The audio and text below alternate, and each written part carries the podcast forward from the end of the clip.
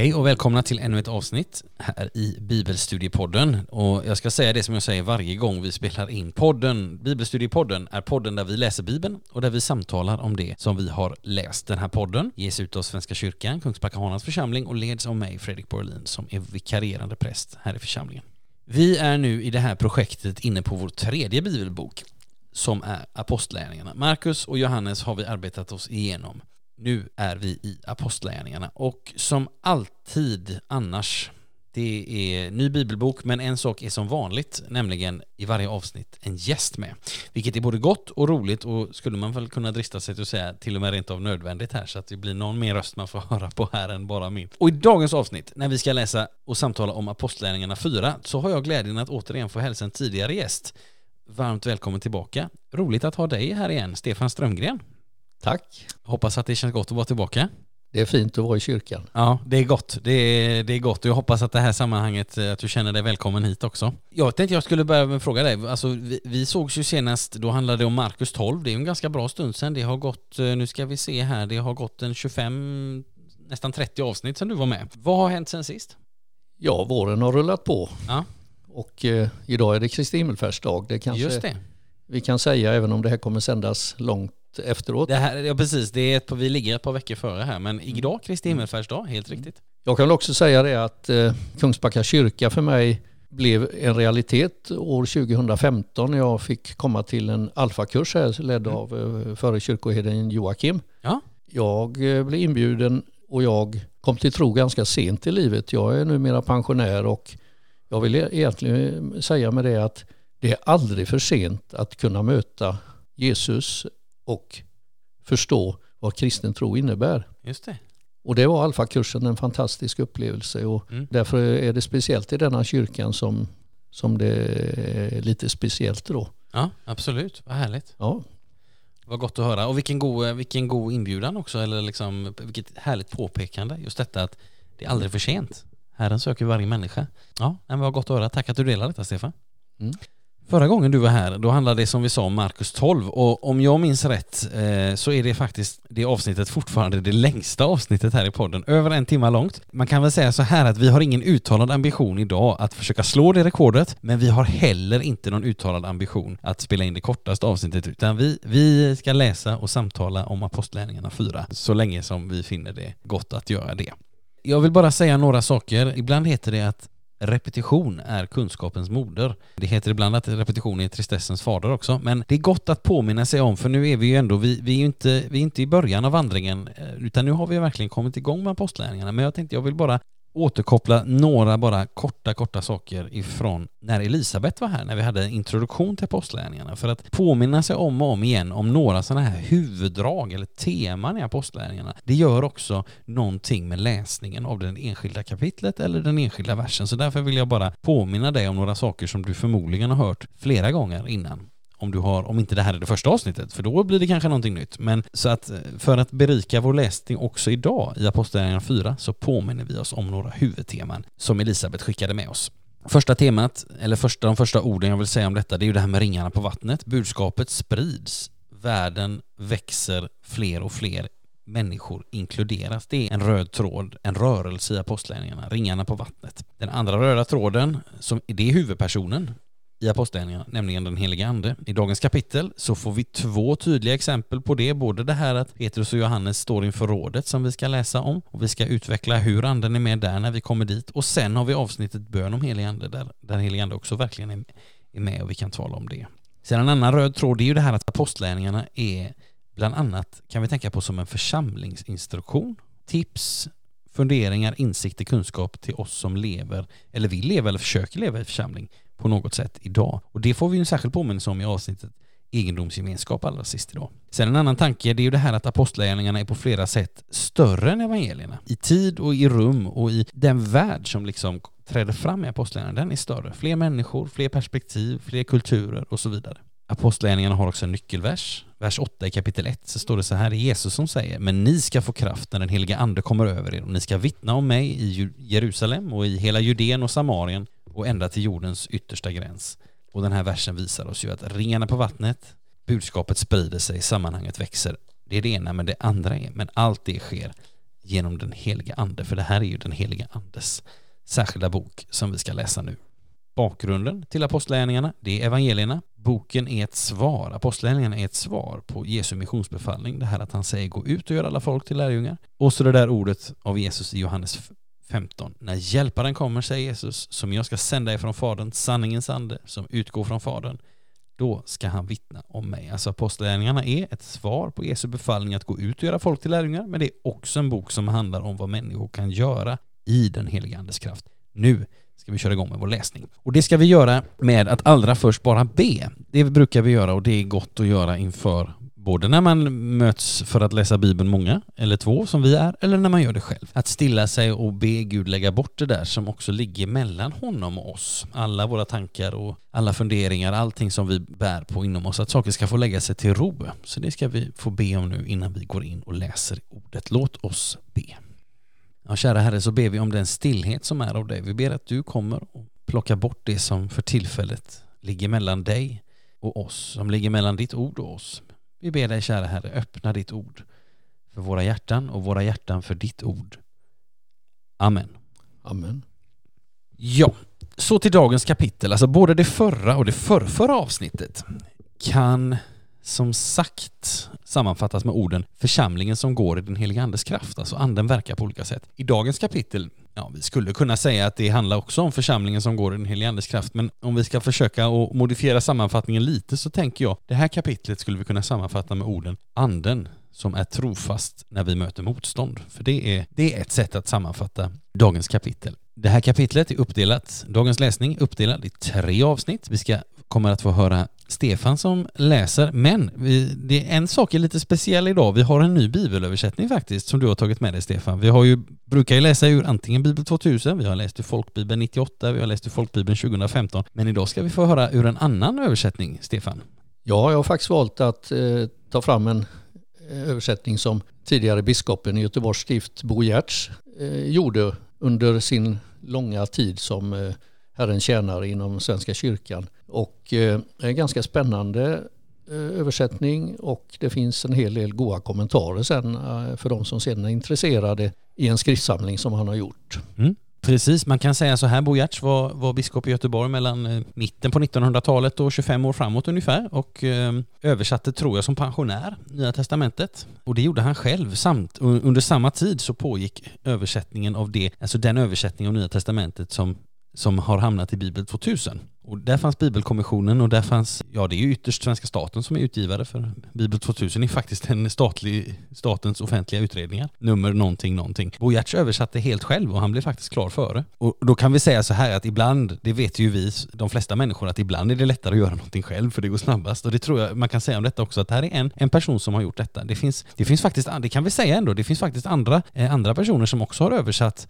Nya Testamentet själv. Alltså vi kan tänka på eh, pastorn David Hedegård till exempel har översatt Nya Testamentet. Det finns ett projekt som heter Svenska kärnbibeln som jag tror är också en person som pysslar med, som jag inte kom på namnet nu, tyvärr, för bör det vara nu över hundra år sedan så fanns det en fribaptistpastor som hette Helge Åkesson. Han översatte hela bibeln själv. En väldigt sådär ord för ord översättning. Det kan man, får man tag i den så kan man läsa den lite som komplement för den översätter verkligen ord för ord för ord. Medan vi när vi läser, om det så är Bibel 2000 eller Folkbibeln eller Bo Giertz som vi ska få höra Stefan läsa idag så då får vi verkligen ett språk som vi kan förstå eh, och ta till oss. Och det är inte det här ord för ord för ord. Men det kan också vara bra att titta i den typen av översättning någon gång. Men nu ska vi få höra när Stefan läser ifrån Bojarts översättning och vi börjar med att läsa det avsnitt som i min bibel i alla fall heter Petrus och Johannes inför rådet. Och bara för att relatera till händelsen så i kapitlet innan Just det, bra. Skedde, Tack Stefan. Så skedde det alltså ett under vid eh, Sköna porten som det heter. Där eh, apostlarna helade en lam man som hade varit lam i hela sitt liv. Just det. Och det är denna händelse som ligger bakgrund till vad som händer nu i kapitel 4. Just det.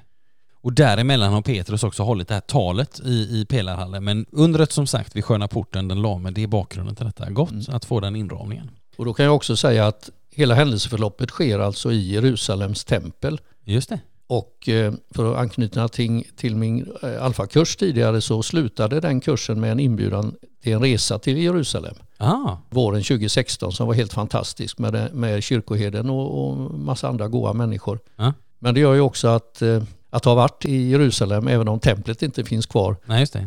Så ger det en extra känsla att, Mm. att eh, knalla på gator där Jesus gick. Ja, vi har, det, här har vi ju, det här är ju intressant. Det här har vi ju talat om innan lite grann. Jag vet för ett antal avsnitt sedan när Tove och Ingmar var här vill jag minnas att det var. Då, då pratade vi om Hiskias tunnel och, och eh, gick ni i den också då? Ja. Jajamän, ja det, det har jag också gjort. Det är en eh, speciell upplevelse, historiens vingslag. Så nej, det är gott. Nu är det svårt att komma till Israel just i den här tiden men Oh ja. annars är det ett Mm. rekommenderat resmål. Verkligen alltså. Men som sagt, Jerusalem är ju Guds stad och det eh, beskriver vi också här i denna tid. Och det har ju varit långt fram i tiden. Jerusalem är ett centrum för både kristendom, judendom och islam idag. Mm. Så det är extra spännande. Mm. Då börjar jag att läsa. Medan de ännu talade till folket kom prästerna och tempelkommendanten och saduceerna över dem, uppbragta över att de hade undervisat folket och predikat om uppståndelsen från de döda genom Jesus. De arresterade dem och höll dem fängslade till nästa dag, eftersom det var redan kväll. Men många som hade hört den här predikan och ordet kom till tro och männens antal i församlingen och runt Jerusalem var omkring 5000. Nästa dag samlades deras ledare och äldste och skriftlärde i Jerusalem. Där var översteprästen Hannas och Kaifas och två som hette Johannes och Alexander. Och alla de andra som var av översteprästlig släkt var där. Så ställde man dem på de anklagades plats och frågade dem Hur har sånt folk som ni kunnat göra det här? Vad är det för krafter ni använder er av? Eller vems namn? Då blev Petrus fylld av helig ande och sa till dem Ni, folkets rådsherrar och äldste, om vi idag skall förhöras eftersom det har skett en välsignelse och en välgärning mot en sjuk människa och om ni vill ha reda på hur den här mannen har blivit hjälpt, då ska ni veta, ni allihopa och hela Israels folk, att detta har skett i Jesu Kristi Nazarens namn. Hans son som ni lät korsfästa, men som Gud har uppväckt från de döda. Det är Jesus som har gjort att mannen står här frisk och färdig framför er. Han är den stenen som blev förkastad av husbyggarna, av er själva, men som har blivit en hörnsten. Ingen annan finns till frälsning, inte heller finns det något annat namn under himmelen som har givits åt oss människor, genom vilket vi kan bli frälsta. När de såg hur frimodiga Petrus och Johannes var blev de häpna eftersom de hade klart för sig att det var olärda män ur folket som talade. Men de visste att de hade varit tillsammans med Jesus och eftersom de såg mannen som blev botad stå där bredvid dem kunde de ingenting svara. De befallde dem att lämna rådsalen och så överlade de med varandra och sade Vad ska vi ta oss till med de här människorna? Att det som har skett är uppenbart under och genom dem. Det står klart för alla som bor i Jerusalem och det kan vi inte förneka. Men att det här inte ska sprida sig ännu mer bland folket så ska vi ge dem en skarp varning att inte längre tala i det namnet. Inte för någon människa. Så kallade de in dem och förbjöd dem att på något vis tala eller undervisa i Jesu namn. Men Petrus och Johannes svarade dem, om det är rätt inför Gud att vi lyder er mer än honom, det får ni själva avgöra. Men för oss är det inte möjligt att tiga om det som vi har sett och hört genom Jesu Kristi frälsning. Då lät han dem gå. Sen det kommit med en ännu mer hotelser. För folkets skull kunde de inte hitta på något sätt att straffa dem eftersom alla prisade Gud för det som blivit hänt. Mannen som blivit botad, den lame, genom detta under var ju över 40 år. Tack så mycket Stefan. Ja, i det förra avsnittet när Fredrik var här så läste vi när vi bland annat läste Petrus tal i Salomos pelarhall som ju har hänt precis innan detta så sa vi att det finns en del drag av försoning i det som Petrus då säger och då flaggade vi också för att i nästa tal eller situation som vi stöter på det vill säga det som vi har läst nu då blir det istället mera av konfrontation faktiskt. Och det är alltså det här avsnittet som vi har kommit fram till nu och som vi talade om då. Här är det mera av konfrontation kan man verkligen säga. Här finns ju några sådana här välkända ord från Apostlagärningarna. Jag tänker på det här som Stefan läste i vers 12. I, I, min översättning så står det så här, hos ingen annan finns frälsningen och ingenstans bland människor under himlen finns något namn som kan rädda oss. Alltså det är ett sånt där verkligen ett ord att hålla fast vid. Ett annat som jag har hört man ibland använder i olika sammanhang, det är ju vers 20 det här. Vi kan inte tiga med vad vi har sett och hört. Det är också ett sånt där ord som återkommer ibland oftare än andra så att säga. Jag tänkte, jag har några saker jag ville säga kring några, några liksom lite personer och grupper här och så. Eh, men jag tänkte jag vill börja med att fråga dig Stefan, vad, vad fastnar du för i det här avsnittet? Ja, det är väl som du säger den här tydliga frimodigheten. Det fanns liksom ingen kompromiss från apostlarna att, att överhuvudtaget kompromissa eller förhandla om Guds eh, och Jesu storhet. Nej. Även om de blev, de blev faktiskt hotade här och mm de blev till och med fängslade över natten och de förbjöds att predika. Men eh, Petrus som du säger svarade med sitt, vad kallade man för, hans tredje tal. Att frimodigt inför hela detta stora rådet ändå bekänna Jesus Kristus över deras hotelser. De kunde liksom inte acceptera att bli tystade i hans namn.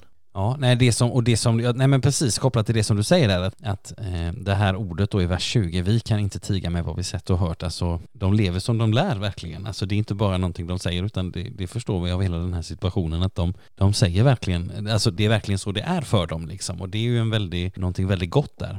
Något mer som du fastnar för? Ja, det är ju en auktoritet de talar. De har ju inte många, men jag vet ju då att Stora rådet bestod faktiskt av 71 medlemmar. 71 medlemmar? Ja. Mm. Överstepräster, alltså hela den judiska auktoriteten, mm. stod bakom. Mm. Inklusive det här, de som kallas för saduceerna. Just det. det var ju också en, eh, en grupp inom judarna som, och alla var emot eh, apostlarna här. Så att, och ändå på något sätt inför denna auktoritet, de var ju faktiskt hotade och kunde ju riskera att bli dömda precis som Jesus blev dömd till döden. Mm. Vilket de hade, det var ju inte lång tid som hade gått. Nej, att, nej, nej.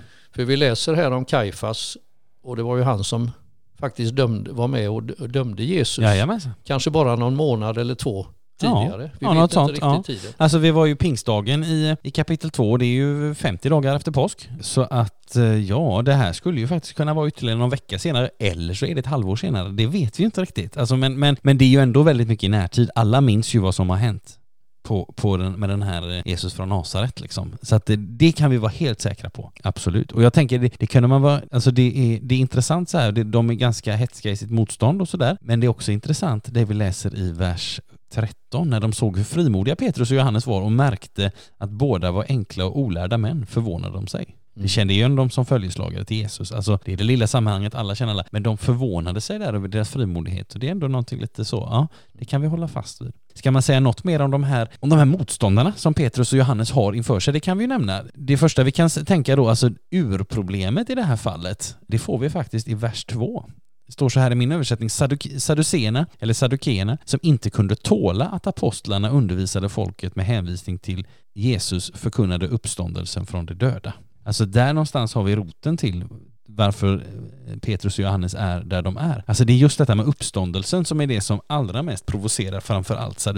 Vi har ju behandlat den här grupperingen en gång tidigare här i podden och intressant nog faktiskt i det avsnitt när du var här förra gången Stefan, för det var då vi pratade om Saddukéerna, så att vill man ha lite mer av den varan så kan man lyssna på Markus 12 avsnittet igen. Så vi kan nöja oss nu med att bara konstatera att saduk eller saduséerna som hade makten i templet, alltså det här är ju en religiös elit, en aristokrati, de trodde inte på uppståndelsen. I kapitel 23 vers 8 i Apostlagärningarna så kan vi läsa om detta och om en annan välkänd gruppering. Det står så här, Saddukeerna menar nämligen att det inte finns någon uppståndelse och inte heller änglar eller andar, medan fariseerna tror på allt detta. Alltså Jesu motståndare, som eh, nu också är apostlarnas motståndare, är alltså inte någon homogen grupp, det ska vi påminna oss om, som tycker precis lika i allting, utan tvärtom är det en på ett sätt brokig skara där en mängd olika synsätt i en del frågor liksom återfinns och sådär.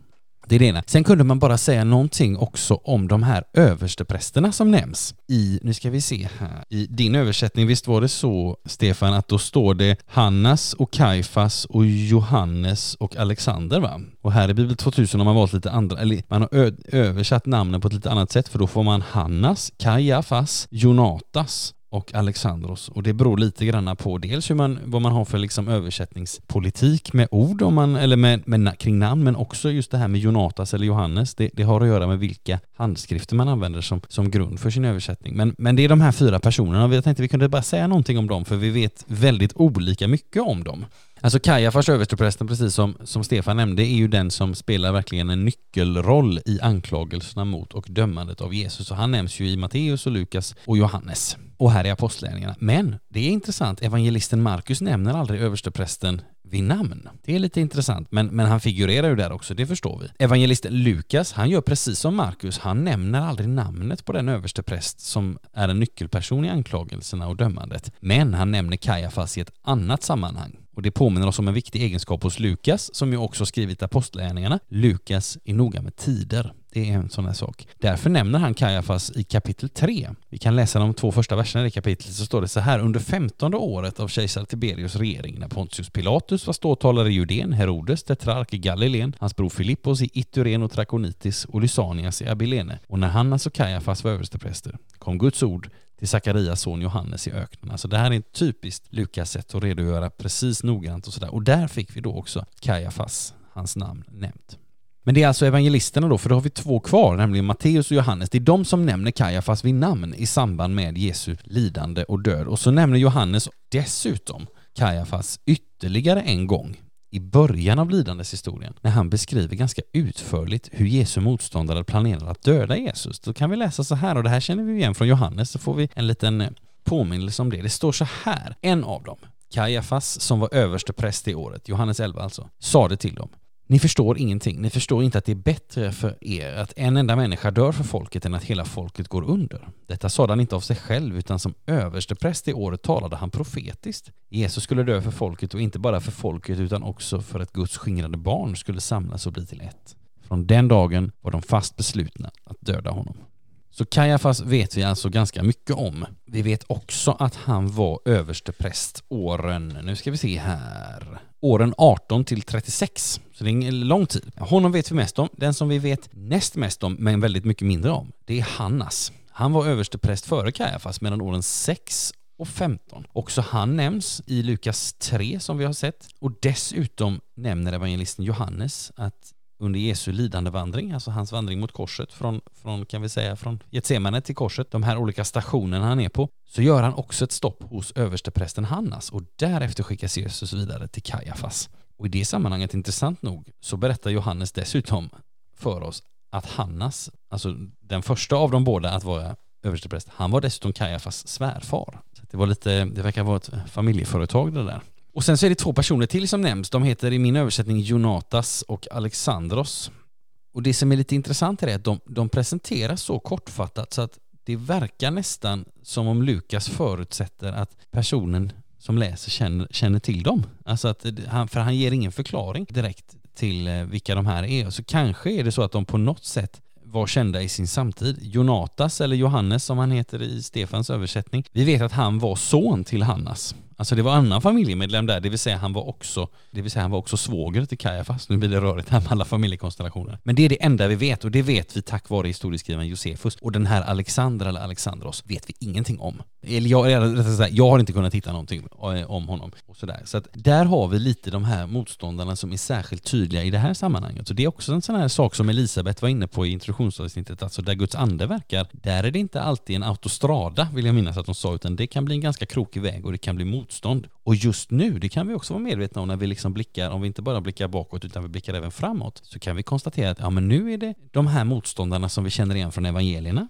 översteprästerna, saddukeerna och så vidare. Nu är det de som står för motståndet, men vi kommer att märka längre fram att motståndet också kan ta sig andra uttryck eller liksom manifesteras i andra personer och sammanhang och så. Men vi lämnar den tanken där. Men vi, vi vet att det finns motstånd i apostlagärningarna och det kan se lite olika ut på olika ställen. Jag kan flika in också att i vers 4 så står det att de var ungefär 5000. Ja. Och eh, det betyder ju ändå att den här missionerande funktionen som, som hade satts igång vid, eh, på pingstdagen att gå ut och göra alla folk till lärjungar. Säg att vi kanske är bara några månader efter den tiden. Och eh, den första församlingen i Jerusalem leddes ju av Jesu bror, Just det. Jakob. Mm. Och eh, jag såg någonstans att eh, vid den tiden så hade nog Jerusalem kanske 50 000 invånare. Så det betyder mm. att redan nu efter kanske tre månader ja. så var 10 procent av befolkningen kristna, även om de inte kallade det så på den tiden. Nej, just det. För det var ju på ett annat ställe de första gången kallades kristna. Men det får vi vänta några kapitel med. Men det, det kommer ju faktiskt, det berättas ju ett par kapitel fram. Ja, och jag tänker också på det här första, alltså på, nu ska vi titta, nu, nu kan vi lika gärna bläddra tillbaka här och titta, för det står ju någonstans, det är väl också på pingstdagen. Så här är det, när en efterträdare åt Judas ska utses, det är alltså i Apostlagärningarna 1 så står det så här i vers 14, nej, det står så här i vers 15. En dag vid den tiden tog Petrus till Oda inför bröderna, omkring 120 personer var samlade. Så där, de var 120 där och nu är de 5000. Och jag tror att vi har sett siffran 3000 om det var i förra eller i förra, förra kapitlet däremellan. Så att det, det är en eh, ganska rejäl ökning här. Det är mm. väckelse. Det är oh, ja. anden, anden är i svung så att säga. Något annat som du fastnar för i det här eh, avsnittet, Stefan? Ja, vi nämnde ju Sadduceerna och de eh, var ju själva såg de sig att stå över fariséerna. Nu blir det lite det. igen. Mm. Men de var ju också ett, man kan säga de var ett kyrkopolitiskt parti. Ja, jo men det, det så ska, kan man absolut beskriva. Om vi ska ta det till hur, hur vår kyrka i Sverige också organiserar olika mm. grupper. Ja. Men de var de välbeställda och de, eh, eftersom det var romersk ockupation så hade de ändå accepterat ockupationsmakten. Mm. De gick, gick i deras fot, eller med dem. Mm. Det är ett sätt att behålla makten också. Absolut, ja. Men de trodde alltså inte på uppståndelsen och Nej. de trodde inte på, det står här, vad är det för krafter ni använder er av? De, de ja. trodde inte på att det fanns någonting som inte gick att förklara. De var ganska rationella i sitt tanke. Ja, just det. Nej men precis, inga änglar och inga andar. Inga andar, eh, Som vi också mm. kan, fick ett citat från Apostlagärningarna 23, alltså det här att, att, nej, utan eh, det var mycket sånt som, eh, som man inte, men det tror ju fariséerna på. Och fariséerna precis som en kontrast till saddukeerna som är liksom aristokrati, välbeställda, så var ju fariséerna, det kan vi också behöva påminna om, det var ju en folklig rörelse. Alltså mm. som oftast liksom hade ett, liksom ett starkt fäste bland människor. Vi är vana att höra om dem som Jesu motståndare, men det var ju faktiskt också en rörelse med stort folkligt stöd och det är väl också därför som det rör upp så mycket och är så mycket konfrontation med fariséerna, för de, det är en stor rörelse med mycket folkligt stöd, så det kan vara gott att känna till. Men det, är, det hjälper oss också att lägga det här pusslet i Bibeln när vi vet lite mer, inte minst om de här grupperna som finns runt. Alltså det hjälper oss att förstå både samhället, hur det var uppbyggt och vilka strukturer som fanns. Men det hjälper oss också att förstå vad säger Jesus? Vilka talar han till i den fallet och i det fallet och i det fallet? Så det är en väldigt god, det är en väldigt gott att kunna lägga de pusselbitarna på plats på något sätt. Gott, ska vi gå vidare, och läsa nästa avsnitt? Ja. Och då ska vi höra Stefan läsa, återigen från Bojarts översättning, avsnittet som i min bibel heter Bön om helig ande. När de hade blivit frigivna kom de till sina egna och berättade för, för dem allt som översteprästerna och de skriftlärda hade sagt till dem. När de hörde det förenade sig alla i bön och ropade till Gud och sa Herre, du som skapat himmelen och jorden och havet och vad där i är, du som har låtit den helige ande tala genom din tjänare Davids mun och sagt Varför rasade hedningarna? Varför smidde folken fåfängliga planer? Jordens konungar reste sig och folkens mäktiga gaddade sig samman mot Herren och mot ens mode. Ja, sannerligen, de gaddade sig samman i denna stad mot din helige tjänare Jesus som du hade smort. Herodes, Pontius Pilatus tillsammans med hedningarna och Israels stammar för att utföra det som du i din makt och i ditt rådslut hade bestämt skulle få ske. Och nu, Herre, ge akt på deras hotelser och låt dina tjänare med all frimodighet förkunna ditt ord och räck ut din hand så att människor botas och det sker tecken och under genom Jesus Kristus, din helige tjänares namn. När de slutat bedja skakades platsen där de alla var samlade och det fylldes alla av den helige Ande och bar fram Guds ord med frimodighet. Hela skaran av dem som trodde var ett hjärta och en själ. Tackar. Ja, jag har två tankar här jag ville dela. Jag kan börja med den ena så släpper jag in dig sen Stefan. Alltså det här är ju också vi flaggade lite för det tidigare att in, i det sista avsnittet sen som vi, vi ska gå in på om en liten stund så får vi det här lite församlingsinstruktionsbiten. Tankar om att leva tillsammans i, i ett kristet sammanhang och så vidare. Men jag tänker att också det som händer i det här avsnittet som vi precis hörde Stefan läsa så finns det också lite sån här församlingsinstruktion. Det här att, för man kan tänka på att nu har någonting hänt Alltså Petrus och Johannes har stått inför Stora rådet och så får vi sen läsa om församlingens svar på det som har skett tidigare. Och vad är deras svar? Jo, de förenas i bön. Det här är en påminnelse också till oss att förenas i bön som ett svar på motstånd eller hot eller vad det nu kan vara. Så det var en första tanke jag ville dela. Stefan? Ja, de fylls ju verkligen med helig ande. Ja. Och som du säger, de förenades i bön men jag ser också att de förenas och får del av den frimodigheten Ja. som apostlarna visade inför Stora rådet. Ja. Den på något sätt smittar även församlingen. Ja, just det. Absolut. Ja. Och de ger styrka och, och det är ju så i många sammanhang i livet att det gör att enheten i gruppen bildas och blir starkare när Mm. det kommer ett yttre hot. ja, just det. Och i det här fallet så är de ju faktiskt hotade av hela den, den eh, akto, judiska auktoriteten. Ja. Men det är snarare, vilket kanske motståndarna ville, det, de ville väl att det skulle splittra. Absolut, Församlingen. jo såklart. Ja, det Detta tänka snarare sig. enade församlingen. Ja. Det gav en styrka. Ja. Och det, det kan vi nog ta med oss Mm. idag också. Att när vi blir hotade så ska vi inte vackla. Nej. Utan vi ska be om Guds hjälp och Ja. få den frimodighet som apostlarna smittar över på sin församling här. Ja, absolut. Det, och det, det går lite hand i hand med min, så att säga, min andra tanke om detta. Alltså här finns ju en viktig insikt om anden, eller egentligen två eller förmodligen fler än så liksom, att, som vi kan stanna upp vid. Dels det här att anden vill hela tiden fylla på oss. Alltså den heliga ande har alltid mer att ge. Även ett andeuppfyllt sammanhang kan ta emot mer av den heliga ande. Alltså vi, vi, läste, vi hörde ju faktiskt hur Stefan läste i förra avsnittet hur Petrus fylldes med den heliga ande, det var i vers 8. Och nu kommer helig ande igen, alltså så att vi ska inte tänka heller på det bara som någon slags engångsföreteelse, utan anden har hela tiden mer att ge, vill hela tiden fylla på oss. Inte så att vi blir proppmätta, utan så att vi flödar över. Sen ger ju anden saker, bland annat frimodighet. Det är ju ett sånt där ord, det sa någon häromdagen. Det är ju ett ord vi bara använder i kyrkan, frimodighet. Men, men det, det, det vet jag inte om det är så, men, men jag gillar ordet för det handlar om fri.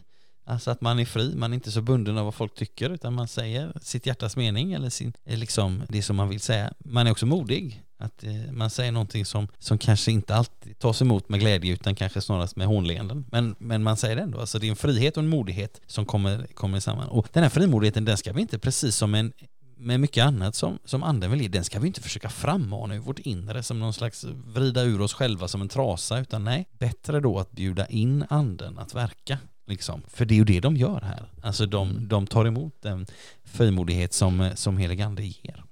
Sen kan jag ju flika in då att eh, eftersom detta har skett kanske eh, bara en eller två månader, det vet vi inte riktigt, men efter pingstdagen. Ja, Och det är ju då som Jesus proklamerar att nu ska vi sända hjälparen, den helige ande. just det. Så jag menar just nu kring skeendet här så är ju faktiskt den helige anden en färskvara. Ja, ja men det kan man absolut, jag förstår vad du menar, Ja. absolut. Ja. Och det blir, blir ju så tydligt Mm. att den styrka som apostlarna ger dessa obildade män Mm. som rådet konstaterar, var får de sin styrka, sin kraft ifrån? ja, just det. Det är klart den kommer uppifrån. Det är det Ja. löftet som Jesus gav när, när han lämnade oss. Ja. Jag sänder istället en hjälpare, den helige ande. Så att det, det, jag tycker att det är ett helig ande-exempel utan, utan tvivel som, Absolut. som ger denna styrka. Ja, det är gott att tänka på. Men helig ande är också tillgänglig idag, ska vi tillägga, och, och har funnits och är evig också. Men här manifesterar sig på ett särskilt sätt i historien. Här, här sker någonting alldeles, alldeles avgörande. Gott. Vi har ett avsnitt kvar. En liten, liten notering om, som i min eh, översättning heter egendomsgemenskap. Så jag tänker, jag ber dig läsa Stefan. Du kan väl börja i vers 32, det här alla de många som hade kommit till tro var ett hjärta och en själ. Börja med att läsa dem från- därifrån. Ja, det var en annan brytning där. Men Jo, ja, precis. ja. Och det är också en sån här sak som skiljer bibelöversättningar åt, att man bryter avsnitt ibland på olika sätt. Hela skaran av dem som trodde var ett hjärta och en själ. Och inte en av dem kallade något av det han ägde för sitt, utan de hade allting gemensamt. Med stor kraft vittnade apostlarna om Herren Jesu uppståndelse och alla möttes av stor välvilja. Det fanns ju inte någon bland dem som led nöd eftersom de som ägde mark eller hus sålde dem och kom med betalningen och lade den inför apostlarnas fötter. Sedan delades det ut bidrag åt var och en i mån av hans behov. Josef, en levit, bördig från Cypern, som av apostlarna hade fått tillnamnet Barnabas. Det betyder en som tröstar och förmanar. Han ägde en åker, den sålde han och kom med pengarna och lade dem inför apostlarnas fötter. Tack så mycket. Ja, precis som i kapitel 2, slutet av kapitel 2, så får vi här ett kort avsnitt med lite tankar, lite församlingsinstruktioner, återigen som sagt. Och precis som vi sa i samband med det avsnittet, det var när Henny var här, precis som vi sa då, så samma tror jag vi kan säga om det här korta avsnittet, nämligen här finns ju en hel del utmaningar. för oss som lever i Sverige 2021. Vad utmanas du av här Stefan, eller vad tänker, fastnar du för här i de här, i de här verserna? Ja, det är ju den här bilden av ingen ägde något utan allt var gemensamt. Mm. Och eh, som du sa från början, den här idén om egendomsgemenskap, den har ju kanske funnits eh, genom kristna eh, historien på olika sätt, att mm. man ska försöka kopiera detta. Ja, just det. Men, och det var ju under, i det judiska samhället så var det nog en, redan då en väldigt radikal tanke kan jag ja. tänka. För så levde man inte. Det enda exemplet jag har förstått det är de, den här gruppen som heter Esséerna. Just det.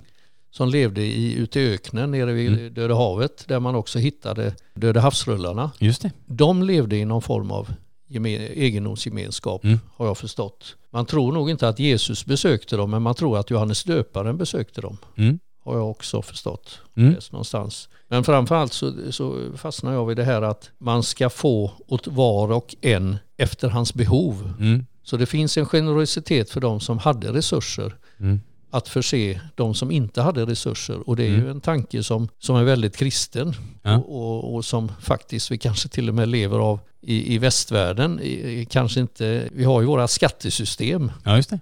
Ja, Mm. Som våran välfärd är egentligen en grundtanke kanske ja. kring detta. Ja. ja men absolut, jag tänker dels det är gott du nämner det sena där, alltså man kan väl nästan jämföra, det är inte mitt expertområde alls, men man kan väl nästan jämföra Essena som en, nästan som en klosterrörelse på ett sätt, fast då före Jesus, att en judisk klosterrörelse liksom, någon typ av kommunitet då nere vid Qumran, Kirbet Qumran som det heter i, i närheten av Döda havet där också de här eh, Döda havsrullarna då eh, har, har hittats. Och det för ju också tankarna till att ett sätt under kyrkans historia som man har försökt att implementera det, det är just det här med vissa i alla fall, eller många eller vissa klosterordnar där man så att säga, man gick in och man hade liksom ingenting med sig och man, man, man gick in där för, för, för livet så att säga, eller man gick in där livet ut och eh, eventuella gåvor tog man med sig och överlämnade så att säga. Men det har ju också sett olika ut i olika klosterordnar, men det var ju eh, fattigdom och eh, eller liksom att, att frånsäga sig ägande har ju varit en, en grundtanke i många klosterordnar så att säga. Och sen är det också intressant tycker jag för att man kan tänka så här, vad, vad kan då vara tilltalet till oss? när vi läser detta för att det är ju inte så att bara nej men det, det är inget som gäller oss här och så. Det, det, har jag svårt att tro. Men jag tänker så här, du sa ju så här, helig ande var färsk, visst var det så? Eller, ja, färsk, ja, färskvara. Ja, färskvara. Det hade nyss hänt. Ja, men precis. Och, och, jag tänker att anden verkar väldigt kraftfullt i de här kapitlen. Det kan anden göra idag med. Men vi, vi kan också känna igen och tala om helig ande idag som, en, som någon som verkar över tid på oss. Alltså som är långtidsverkande. Och man kan säga så här, det innebär att, tänker jag, att det som helig ande verkar väldigt kraftfullt här, direkt. Det kanske heligande behöver verka över tid på oss. Det vill säga att vi steg för steg också gör oss av med kärleken till pengar. Alltså eller att vi gör oss av med saker som binder oss på olika sätt. Och här är ju inte minst det med tillgångar verkligen en nyckel. Sen betyder inte det att någon idag inte kan få ett tilltal att verkligen leva i, i ett sånt här sammanhang, men man kan också tänka, helig ande är också långtidsverkande och vill hela tiden arbeta på, både med sina gåvor, sina frukter, sina välsignelser, men vill också arbeta bort sånt som ligger mellan oss och Gud och där är det inte sällan våra ägodelar som finns där liksom. Så det kan vara gott att tänka på. En sista eh, bara sak som jag vill sätta lite ett pekfinger vid, det är ju den här personen som introduceras i den näst sista versen och som vi kommer stöta på ett antal gånger till på den här apostlärningarna vandringen, nämligen Barnabas. Barnabas, han dyker upp här och det är lite intressant att han nästan bara i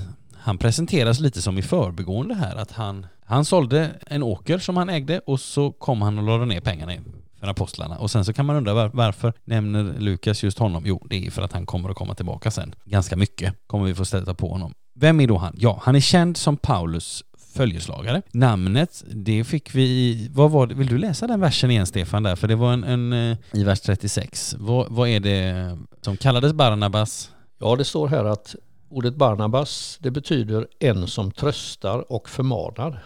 Ja, och det är också den, alltså det, det anger eh, ju precis, och i Bibel 2000 står det Barnabas, det vill säga tröstens son. Och en annan förklaring jag hittade är att man kan uttyda det som tröstens son eller kanske ännu troligare som profetians son. Och i profetian ligger ju förmaningen alltså. Så att det, där förstår vi lite grann vad, vad vem han är eller vad hans namn betyder i alla fall. Och han nämns här, Barnabas, och sen dyker han upp igen efter Paulus omvändelse. Det är ju kapitel 9. Där dyker Barnabas upp och sen är han med mycket frekvent i kapitlen 11, 12, 13, 14, 15. Så där kommer vi stöta på honom många gånger, men han introduceras här och sen mot slutet av Apostlagärningarna 15 så försvinner han ut ur historien vad det verkar efter en dispyt med Paulus. Så kan man också nämna att han nämns faktiskt fem gånger i tre, totalt tre olika brev av Paulus. Tre gånger i Galaterbrevet när Paulus berättar lite om sin verksamhet där. En gång i första Korintierbrevet 9 när han frågar, när Paulus frågar, är det bara jag och Barnabas som inte har rätt att slippa arbeta? Och sen i Kolosserbrevet 4, där Paulus skriver, min medfånge Aristarkos hälsar er och likaså Markus, Barnabas kusin.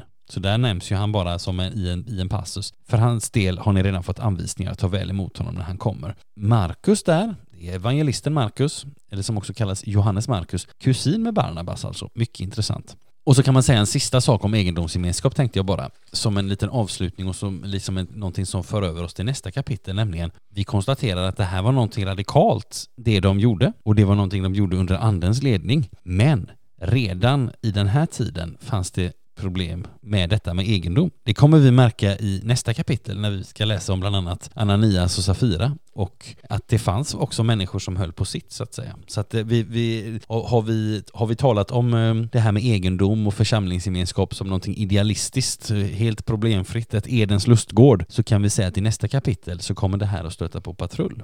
Jag såg en kommentar kring detta, just att, att den, det var ingen tvångsmässig och tvingande uppmaning. Nej. Utan med helig andes hjälp så var det ändå en frivillig eh, handling. Ja. Och det är väl lite så att vi skriver ju Barnabas här som en, en markägare från Sypen. Så att det har också eh, kanske stått någonstans att åkern som han sålde den låg inte i Jerusalem utan den låg på Sypen. För han var dessutom levit och när Aha. han kom till Jerusalem då fanns det en, en underförstådd eh, handling att leviter fick inte vara markägare, de skulle, inte vara, de skulle bara vara, vara präster så att säga. Just det, ja. Så det fanns också en sån anledning till att nu, nu, nu flyttar jag till Jerusalem, ja. nu säljer jag min åker på Cypern och så tar Ja, jag med mig pengarna. ja. Och när han kom med pengarna så, så började han också vara generös för att han hade tillräckligt så att säga. Så han skänkte av sitt överskott. Så Ja. Ja men det, ska- det tänker jag, det ska också, det kommer vi behöva ta upp i nästa avsnitt också när vi möter Ananias och Safira. Alltså det här att vi läser ingenstans att det här var ett krav, utan vi läser att människor gör det. Men det står ingenstans att då bestämde Petrus alla skulle sälja allt de hade och ge till honom, eller så. Nej, utan det var någonting som människor gjorde av fri vilja. Det är viktigt att komma ihåg. Gott. Något mer du tänker på kopplat till det här kapitlet, Stefan? Ja, det var egentligen bara det du sa att, att Barnas kommer återkomma och eh, en av de viktigare händelserna framöver det är ju det här apostlamötet Mm, just det. år 49. Ja. Det är ju då eh, 12, 13 och det blir, nej det blir mycket längre. Eh, Du tänker på vilket kapitel det är? Ja, Ja, det är, ska vi se här nu, det är kapitel 15. ja. Mm. men det kan man ju säga, då är vi eh, 16 år fram i tiden efter Jesus. Ja.